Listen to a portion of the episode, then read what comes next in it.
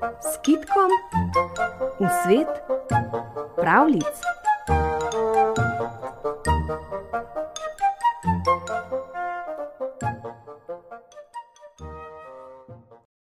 O fižolčku, ogrčku in slamici. Pri neki hiši je nekoč živela klepetava gospodinja.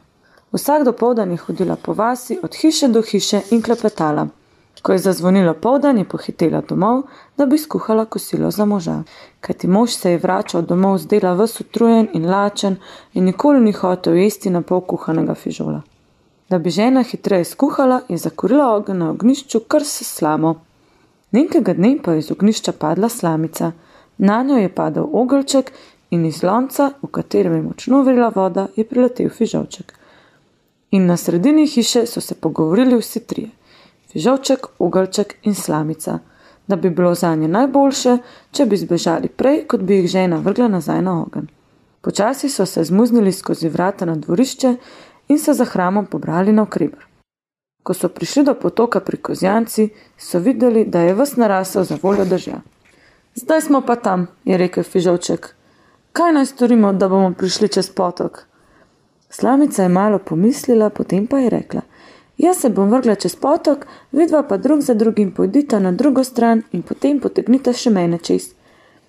Fižolček se je hitro prekotalil prvi, na kar je šel še uglček. Slamico je speklo, pa je zarjula. Hitro, hitro, ker me peče, ne morem več trpeti. Uglček je bil prav na sredini, ko se je slama prežgala in je padla za uglčkom v vodo. Takrat pa se je začel fižolček na bregu tako smejati, tako smejati, da mu je trebuh počil. Čez malo časa je prišel mimo krojač kolvan in zaslišal klicanje na pomoč.